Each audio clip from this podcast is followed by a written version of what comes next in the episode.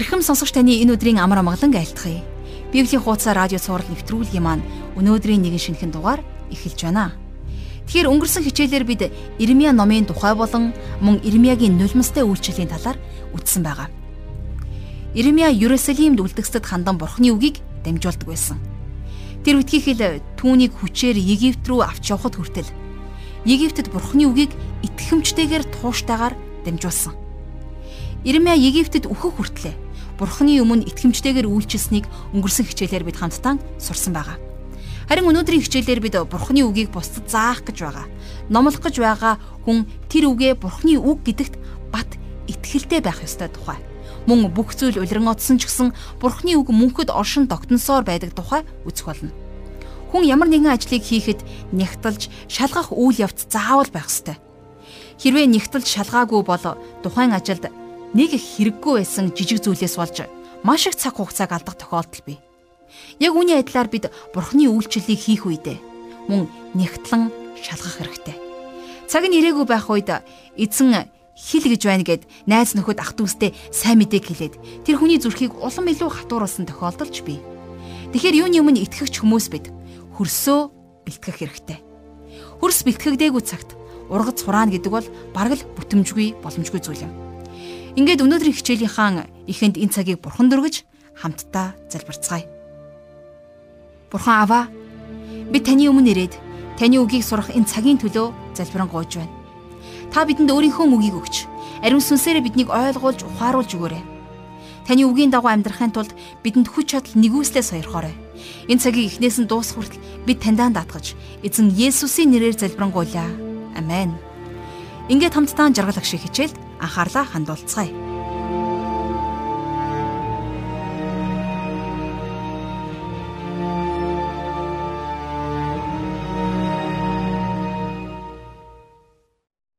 За бид Иремья номыг э, судлан үзэж байгаа. Өнөөдрийнхөө хичээлээр хамтдаа 1-р бүлгээ үргэлжлүүлэн үздэцгээе. За 4-р ишлэлийг гаргаад хамтдаа уншийе. Маш тавчхон жижигхэн ишлэл байгаа. Ийхүү эзний үг над руу ирж гэсэн байна. Энэ бол хамгийн чухал.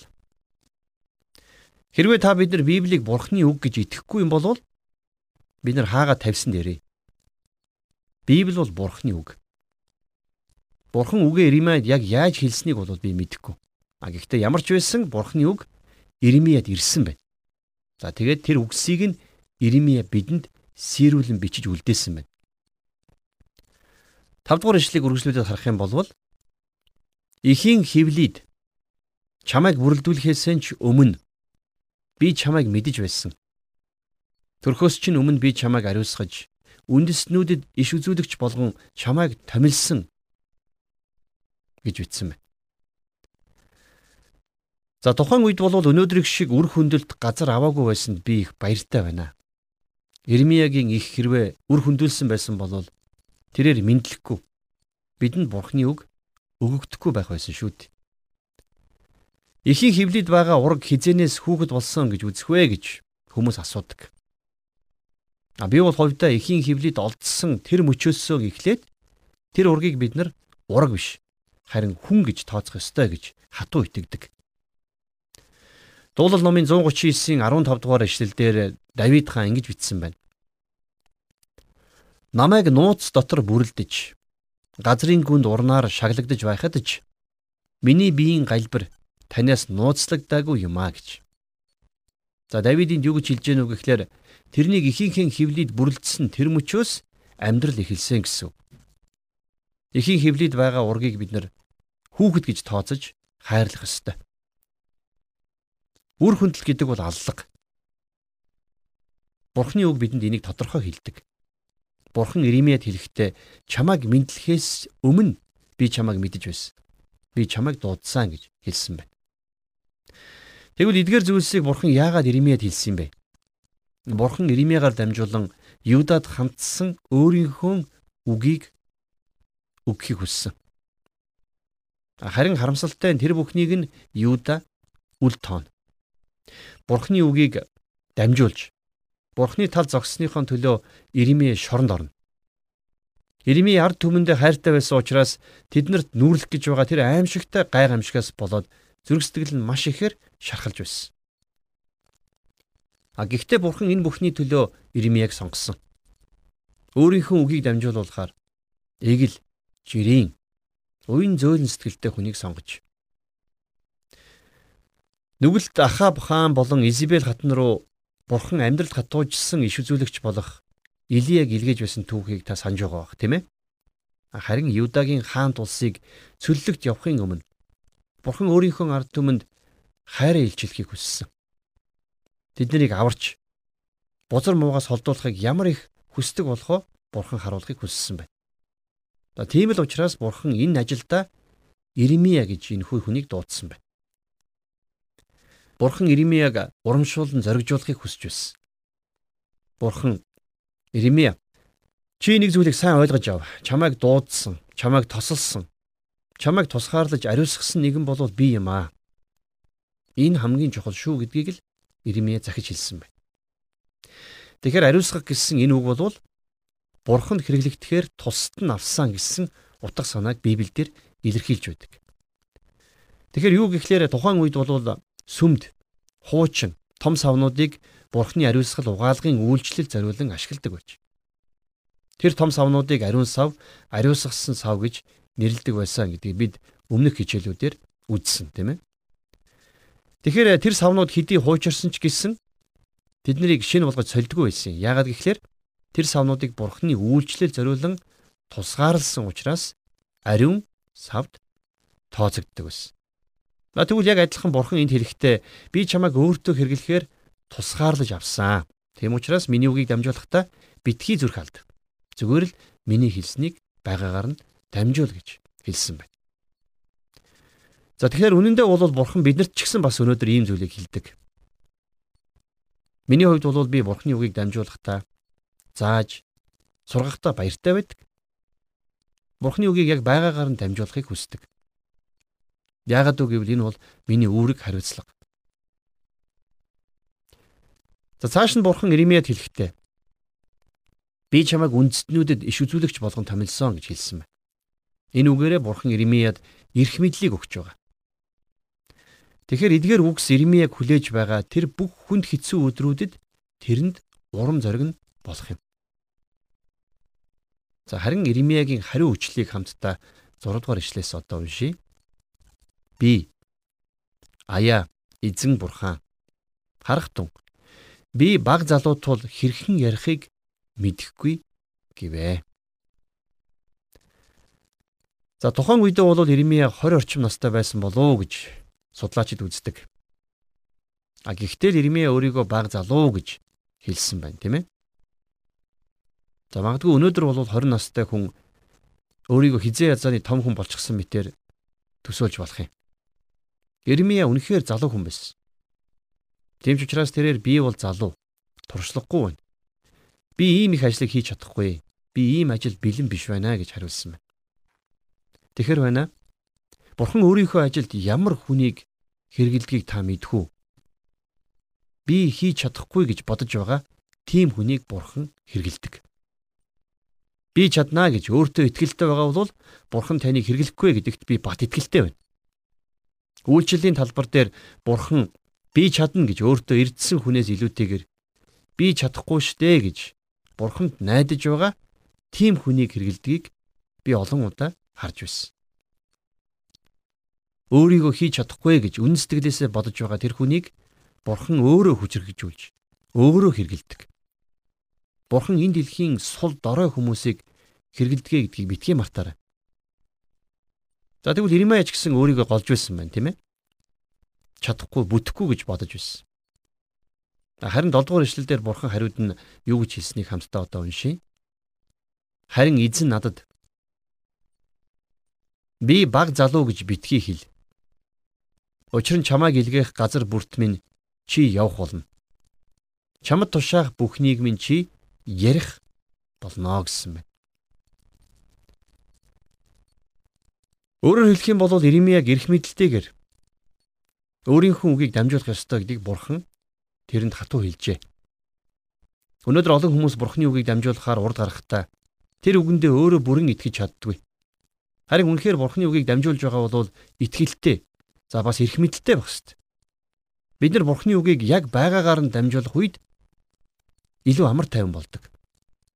Үнэхээр гайхалтай, ивэл ерөөлөөр дүүрч байдаг.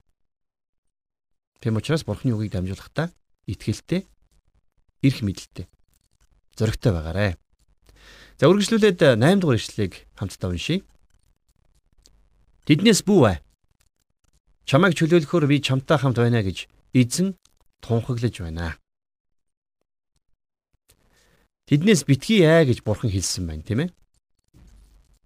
Бурханы үгийг зоригтойгоор итгэл үнэмшилтэйгээр дамжуулаарай гэж бурхан Иремья загчээ. Ягд гэвэл бурханы үг хизээж хоосон босож ирдэггүй. Бурханы үг үргэлж бурханы хүслийг гүйцэлдүүлж байдаг.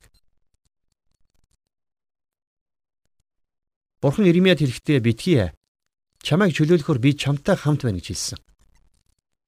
Бурхан Иремьяд би чиний талд байх болно гэж хэлсэн гэсэн үг. За нэрт соён гэгэрүүлэгч Мартин Лютер нэгэнтээ Бурхантай хамт байгаа хүн бол үргэлж олонх нь байдгаа гэж хэлсэн байдгийг. Энэ бол үнэхээр үнэн үг шүү. Христэд итгэдэг бид нар өөрсдийгөө үргэлж цөөнх мэтээр бодж байдаг. А гэтэл та бид нар бол үнэндээ олонх юм. За 9 дугаар эшлэл дээр тэгээд эзэн мутраа сунгам миний аманд хүргээд эзэн надад үзэгтэн би үгсээ аманд чинь хийв. За би үгсээ аманд чинь хийвэ гэж бурхан хэлсэн байна. За энэ бол их чухал ойлголт. Бурхан Библиэл дээрх үгсийг өөрөө өгсөн. Тийм учраас бид нэр Библийн орчуулгууд дээр маш нарийн анхаарах ёстой. Орчуулгууд нь маш оновчтой байх ёстой. Бид нар Библийн үгс нь Бурханаар өгөгдсөн гэж ойлгох нь их чухал байдаг. Тийм учраас Бурхан Иремьяд би өөрийнхөө үгийг чиний амд чинь хийж байна гэж хэлсэн байна, тийм ээ. За 10 дугаар эшлэлдэр үргэлжлүүлээд үндэстнүүд хийгээд хаанчлуудын дээр энэ өдөр би чамайг тавьсан нь устгах, нураах, сүйтгэх ба хөмрүүлэх, барьж, босгох ба ургуулахын тулд билээ гэв. Ирмия Йосия Йохояким Йохахаз Йохояхин Зидки хаадын үед иш үзүүлж байсан. Эдгэр хаад бүгдээрээ л дор хүрний өөрийн гэсэн бодлоготой, өөрийн гэсэн засаг захиргатай байсан. Тэд нар бүгдээрээ л Иерусалимыг хөгжүүлж, дэвшүүлэхийг хүсэж байсан. Тэд нар бүгдээрээ л нийгэм эдийн засгийн байдал анхаарч, байгаль орчин, экологийн асуудалд анхаарал хандуулж, ядуурлын эсрэг тэмцэж байсан. А гэхдээ харамсалтай нь байна. Тэдний хинэнч Иремьед анхаарлаа хандуулаагүй. Тэд нар Иремьяг үл тоосон. За түүхийн энэхүү үйл явдлаас хойш бараг 3000 жил өнгөрчээ. Зидики хаанч, Йохояхийн, Йохояким хаанч ор мөргүй мартагдсан байна. Тэдний хаанчлалын талаар сайнаар дурсагдах нэг ч зүйл үлдээгүй. А гэтэл тухайн үедээ тэдгэр хаад нар бүгдээрээ л өөрсдийгөө зөв зүйл хийж байна гэж бодож байсан шүү дээ. Амин чухал зүйлийг хийж байна гэж бодож байсан. За тийм учраас ч гэсэн тэд нэр магадгүй Римийг үл тоосон баг. А гэтэл өнөөдөр бид нар хиний бичсэн номыг уншаад сууж байна вэ? Тийм ээ. Мэдээж Ирмиягийн номыг уншаад сууж байна шүү дээ. Тэгэхээр Ирмия ном бол Бурхны үг. Энэ ном өнөөдрийг хүртэл он цагийг туулан бидэнд хүрч ирсэн. За биднээс цаашид ч гэсэн оршсоор байх болно. Өнөөдөр хүмүүс хэдийгээр бурхны үгийг үл тоомсорсон ч гэсэн за хинч вэ? Том баггүй бурхны үгийг үл тоомсорлсон ч гэсэн бурхан бидэнд өөрийнхөө үгийг өөрийнхөө нэгүүлсэл дотор айлцсаар л байна. Эцэст нь харин энэ дэлхийн ертөнц бүгд устын үгөө болж зөвхөн бурхны үг л мөнхөд үлдэх болно шүү дээ. Ингэж бурхан Иремьягаар дамжуулан өөрийн үгийг Юудад айлдах болно гэдгээ Иремьяд урьдчилан тодорхой хэлсэн байна, тийм ээ. Харин айд сандарсан Иремья энэ ажлыг авахаас эрс татгалцсан. За ингээд хариуд нь бурхан Иремьяд иш үзүүлгийнх нь үйлчлэлтэй холбоотой хоёр гайхалтай зураглалыг харуулсан байдаг. За хамтдаа 11 дугаар ишлэгийг уншийе. Эзний үг над дээр ирж Иремья чамд юу харагдаж байна вэ гэхэд би гүйлс модон таяг харж байна гэв. За гүйлс мод бол хавар хамгийн эрт цэрэг нахиалдаг мод. За тэр ч утгаараа гүйлс модыг хавар ирснийг сануулдаг сэрүүлгээ гэж нэрлэдэг. А тэгвэл бурхан Иремиг яг л гүйлс мод шиг сэрүүлэг болгохыг хүссэн байна. Иремия өөрийнхөө ард түмнийг сэрэх ёстой байсан. Харин харамсалтай нь Юдагийн ард түмэн сэрэх дургүй байсан. За ер нь л нойрондоо дийлдсэн байгаа хүн сэрэх дургүй байдагтай яг адилхан.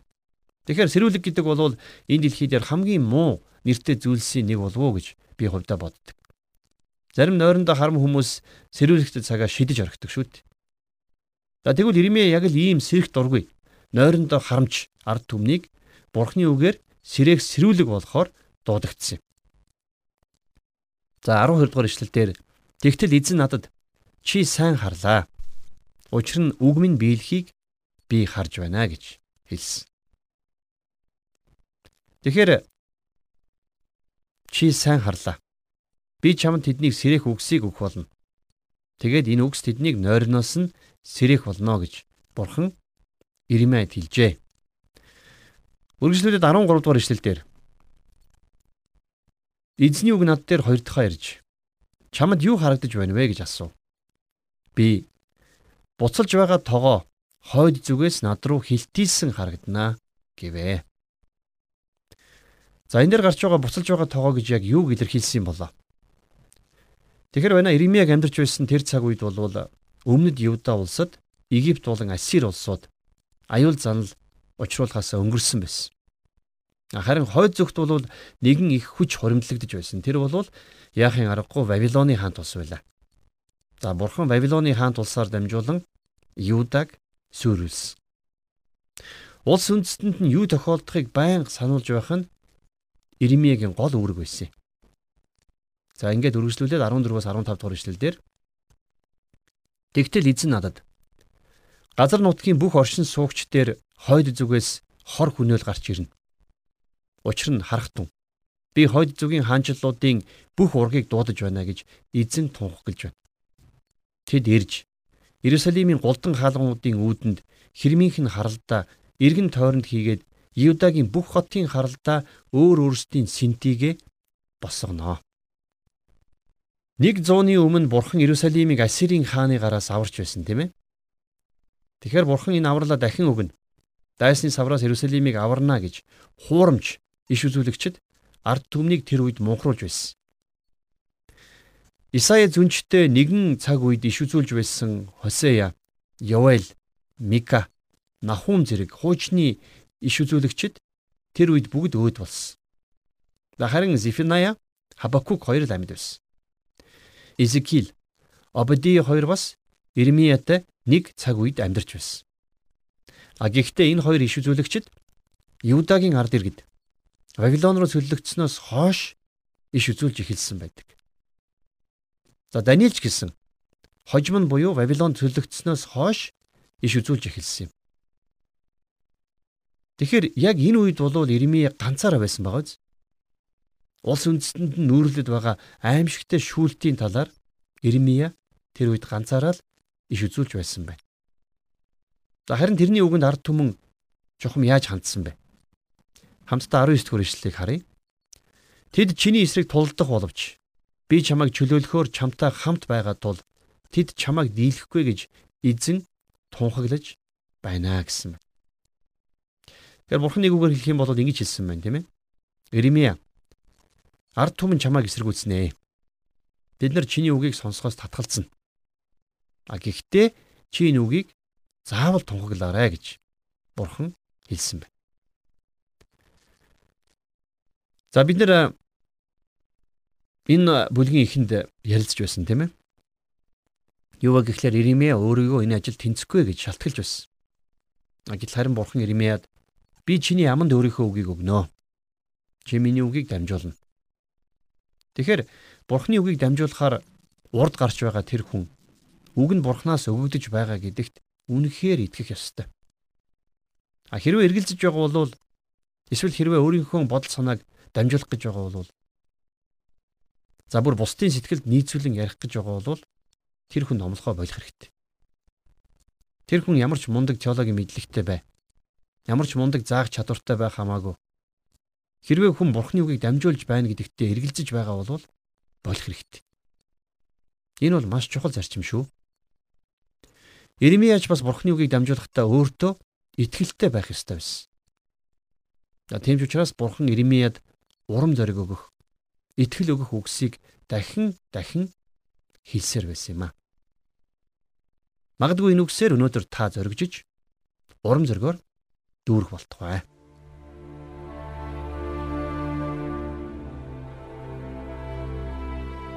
Тэгэхээр бурхан бол хайр юм. Тэр өөрийн сонгосон хүмүүсээ хайрлж хамгаалахын тулд өөр дээр нь төрүүлж ирсэн, өөрт нь төрүүлж итгэсэн тэдгээр хүмүүсийг ашигладаг. Дуулуургүй ард түмнээ буруу муу зам руу явуулахгүй тулд Бурхан Иремьягаар дамжуулан өөрийнхөө үгийг өгсөөр байсан. Харин ард түмэн түүний үгийг хүлээн аваагүй. Өнөөдөр ч гэсэн яг ийм дүр зураг үргэлжилсээр байна. Гэр бүлийнх нь хин нэгэн төрүүлж эзэн итгэдэг. Төрүүлж итгэсэн тэр хүнээр дамжуулан Бурхан өөрийнхөө авралын сайн мэдээг бусад хүмүүст түгээхийг хүсэж байгаа. Харин та Бурханы үгийг нягтлж шалгаад дамжуулах хэрэгтэй. Нэг зүйлийг хэлэхэд Бурхан Иремьягийн аманд өөрийнхөө үгийг хийсэн гэж бид дүнгэж сайхан үзлээ. Хэрвээ таны ярих цаг болсон бол эзэн өөрийнхөө үгийг таны аманд хийх болно. Харин та тэр үгийг нь өөрчилж тухайн нөхцөл байдал тааруулан ярьж болохгүй. Яг л байгаагаар нь ярих хэрэгтэй. Учир нь эзний үг бол мөнхөд хүчнтэй байдаг. Энэ хүрээд өнөөдрийн хичээл маань өндөрлөж байна. Бид өнөөдөр хамтдаа Иремья номын 1-р бүлгийн 4-өөс 9-р ишлэлийг хамтдаа уншиж судалсан байгаа. Ингээд хичээлийн явцад ойлгож, таньж мэдсэн зүйлийнхаа төлөө Бурханд талархаж эзэнд залбирцгаая. Бурхан Аава, таньда өнөөдрийн хичээлийн төлөө талархал өргөн залбирч байна. Энэ өдрийн гайхамшигтай үгийн төлөө баярлалаа Аава. Бурхан минь, та биднийг дэлхийн суураас өмнө сонгож дуудсан билээ Танд үнэхээр талархал магтаалын дээдийг өргөж байна. Эзэн таны нэрээр дуудагдсан таны ард түмэн бид таны үгийг дамжуулахын тулд та бидэнд өөрийнхөө үгийг өгөөч. Таны үгийг итгэмжтэйгээр дамжуулахын тулд та бидэнд урам зориг, хүч чадал нэгүслээ дүүргэж. Та биднийг Иремья шиг энэ цаг үеэс сэрэж Бурхан тань руу хандуулсан сэрүүлэгтэй цаг мэт болгож өгөөрэй. Үүний тулд та ариун сүнсээрээ биднийг удирдах, ариун сүнсээрээ биднийг хөтлөн дагуулаарай бүх зүйлийг танд өргөж эзэн Есүсийн нэрээр залбирanгуйлаа. Амен.